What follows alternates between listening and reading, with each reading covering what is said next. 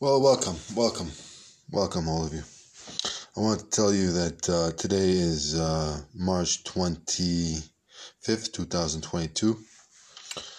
Again, we are talking about COVID, the COVID vaccinations across borders. We're talking about all the people crossing borders that they need to be vaccinated. Capiche? Just like that. Vaccinated. Two shots and then they can fly. They can fly. They have to wait out the period. Unfortunately, they have to wait out the period, which is one shot and then eight weeks after the next shot, and that's about it. We have to we have to keep that we have to keep that uh, regulation in place. And here we go.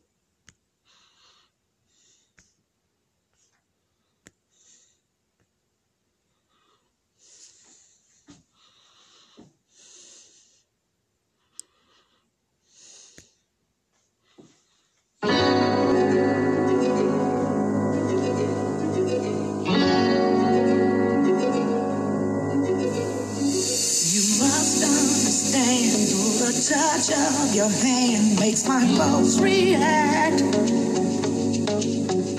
That it's only the thrill of boy meeting girl, opposites attract. It's physical,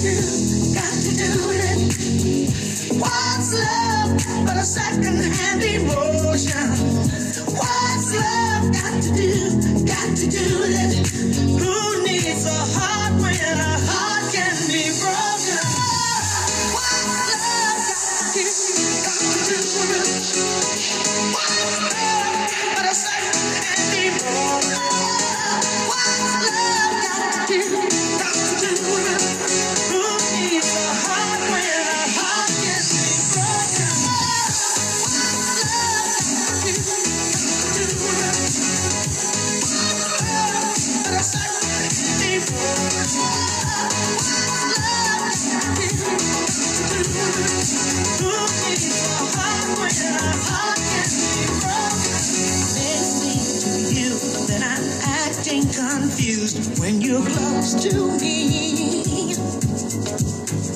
If I tend to look dazed, I read it someplace. I've got cause to be. There's a name for it.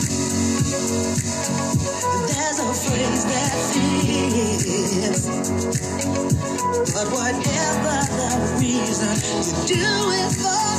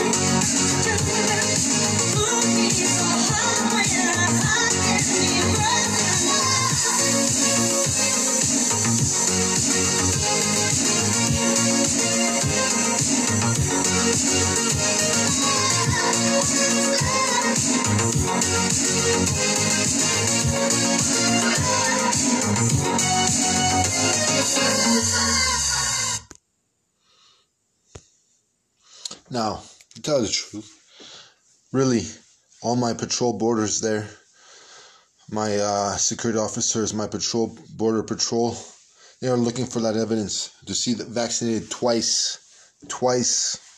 We want to see twice vaccinated, so they are fully ready to go and go to the next European country, etc., continent, etc.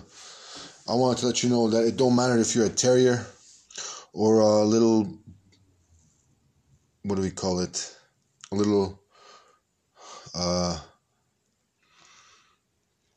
little uh, bulldog. No, no, no, not even a bulldog. I wouldn't say a bulldog. A little, a little bit of a. I can't even think of the name right now. But tell the truth, they have to be vaccinated, etc. It don't matter if you're meeting a tetra, if you're meeting a terrier or a or a pussy dog. It doesn't matter. Stuff like that has to be vaccinated, etc. It has to. When I talk about uh, me talking with the England Player of the Year, etc. When I'm talking about with the full football ball Dior of the year, we want to see them vaccinated. We want to see them vaccinated when they're crossing the borders. We just want to. We we believe in the power of the health medical unit, and that's about it. So think about it. Think about it when you're saying, "Oh, you got some medical leave that's saying it. You don't have to be vaccinated." Well, Joseph probably would say that for Herod. You know, Jesse would say it for Herod. But we're living in the 21st century. This is years, years, years ago. We want to see them vaccinated, capiche, etc. Don't plan something when you're not vaccinated. That's the one number one thing I wanted to let you know.